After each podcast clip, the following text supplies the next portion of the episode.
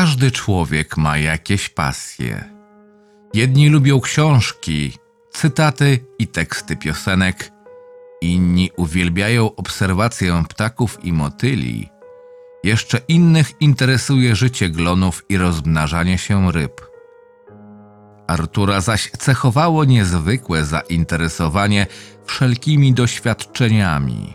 Nieistotne, na jakiej płaszczyźnie dane eksperymenty działały, liczyła się sama idea przeprowadzenia testu, który ma coś udowodnić, pokazać.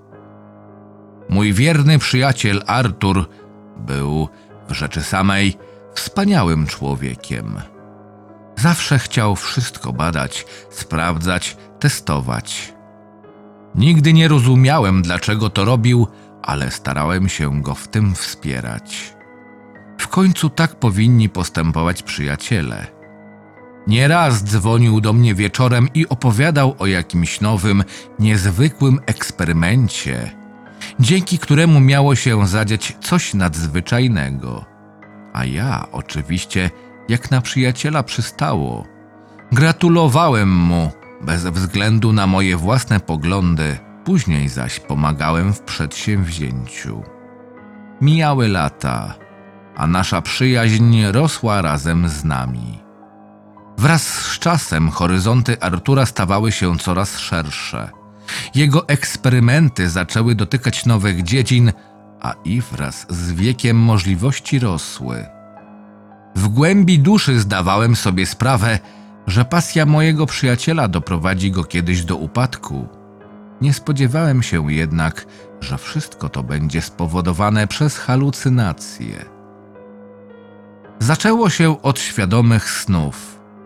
Artur spał częściej, próbując osiągnąć pożądany stan, aż w końcu udało mu się wziąć udział w świadomej sennej projekcji. Kolejny sukces na jego liście. Przez kilka tygodni próbował nawet stworzyć tak zwaną tulpę, ale po wielu długotrwałych próbach zwątpił w istnienie takowego zjawiska i porzucił projekt. Ostatnim z jego eksperymentów na tej płaszczyźnie okazał się eksperyment Gansfelda.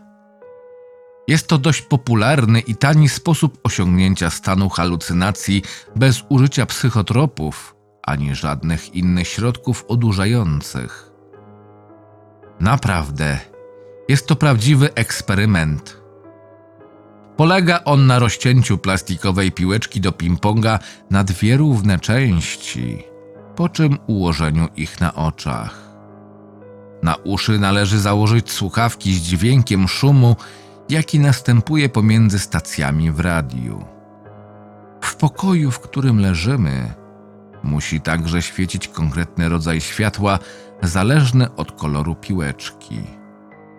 Dokładnie to zrobił Artur kilkadziesiąt razy. Opowiadał mi ze szczegółami wszystko, czego doświadczył. Przy pierwszej próbie zobaczył kompletnie nagiego mężczyznę, który tańczył. Miał, jak to określił Artur, małpią twarz, taką jak u neandertalczyka. Charakteryzowały go krzaczaste brwi, zasłaniające głęboko osadzone oczy, duży nos i usta, wysunięta żuchwa. Artur śmiał się wtedy i mówił, że jego twarz wyglądała okropnie i prymitywnie. Jego ciało było umięśnione i gładkie, skóra koloru beżowego pledu. Kilkakrotnie wspominał też o tym, że dziwny mężczyzna był nagi, ale nigdy nie mówił nic o genitaliach ani intymnych częściach, tak jakby w ogóle ich nie posiadał. Nie zdziwiłbym się, gdyby tak istotnie było. Opowiadał mi także o strachu, jaki na początku odczuł. Przestraszył się mężczyznę, który, jak gdyby nigdy nic, tańczył na środku nicości okrytej bielą z nieśmiałym uśmiechem na ustach. Jego oczy były nieobecne, jak gdyby nie zauważał tego, co znajduje się przed nim. Myślałem wtedy, że Artur uzna eksperyment za udany i przejdzie do czegoś innego. Tak się jednak nie stało. Jego kolejne opowieści były coraz dziwniejsze. Nie wiem nawet po co powtarzał ten eksperyment. Zachowywał się, jakby chciał zobaczyć tego mężczyznę ponownie. Ale w jakim celu? Przy chyba dziesiątej próbie oznajmił mi z szerokim uśmiechem na ustach, że małpi mężczyzna na niego spojrzał. Przez ułamek sekundy ich wzrok złączył się. Mężczyzna zaś zdał sobie sprawę, że ktoś obserwuje jego taniec. Nie przejął się jednak tym i wciąż kontynuował to, co robił. Zdarzało się, że próbowałem przemówić Arturowi do rozumu, ale on nie chciał mnie słuchać. Zawsze mówił, że niczego nie rozumiem, że jestem zbyt ograniczony, żeby pojąć ideę eksperymentu i tym podobne. W końcu przestałem go zatrzymywać, a on wciąż snuł swoje opowieści. Dalej było tylko gorzej. Najbardziej przerażało mnie chyba to, że czym więcej Artur opowiadał o mężczyźnie, tym w jego oczach stawał się on piękniejszy. Na początku mówił, jak czuł przerażenie, opowiadał o jego małpiej, prymitywnie wyglądającej twarzy. Potem zaś historie zaczęły się różnić. Pewnego razu zapytałem go, kiedy twarz owego mężczyzny zaczęła się zmieniać, on zaś odpowiedział tylko: Nigdy się nie zmieniła, zawsze była równie piękna. Nie wiem, ile razy Artur wykonał eksperyment Gansfelda, ale jestem pewien, że zdecydowanie za dużo. W końcu przestał do mnie dzwonić, przestał opowiadać swoje historie, nie odbierał moich telefonów. Kiedy pewnego dnia udało mi się do niego dodzwonić, opowiedział mi, jak to w trakcie ostatniego eksperymentu przez cały taniec patrzyli sobie nawzajem w oczy.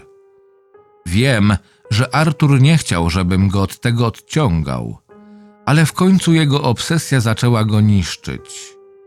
Po kolejnym nieodebranym telefonie wsiadłem do samochodu i pojechałem do jego domu. Nikt nie odpowiadał na pukania, mieszkanie zaś było otwarte. Artur leżał na kanapie w jasno oświetlonym salonie z piłeczkami na oczach, słuchawkami na uszach i z błogim uśmiechem na ustach. Potrząsnąłem jego ramieniem, chcąc wyrwać go z transu, lecz nie zareagował.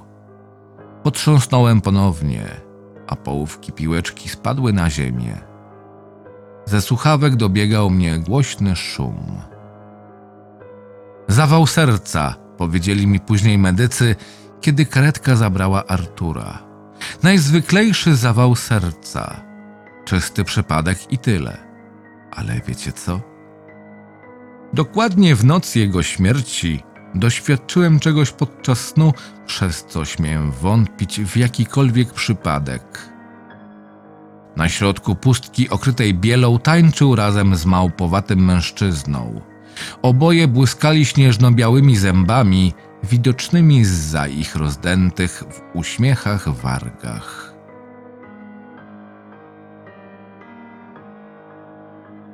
Scenariusz Mikołaj Godziszewski Czytał Krystian Kieś Zapraszam do subskrypcji mojego kanału.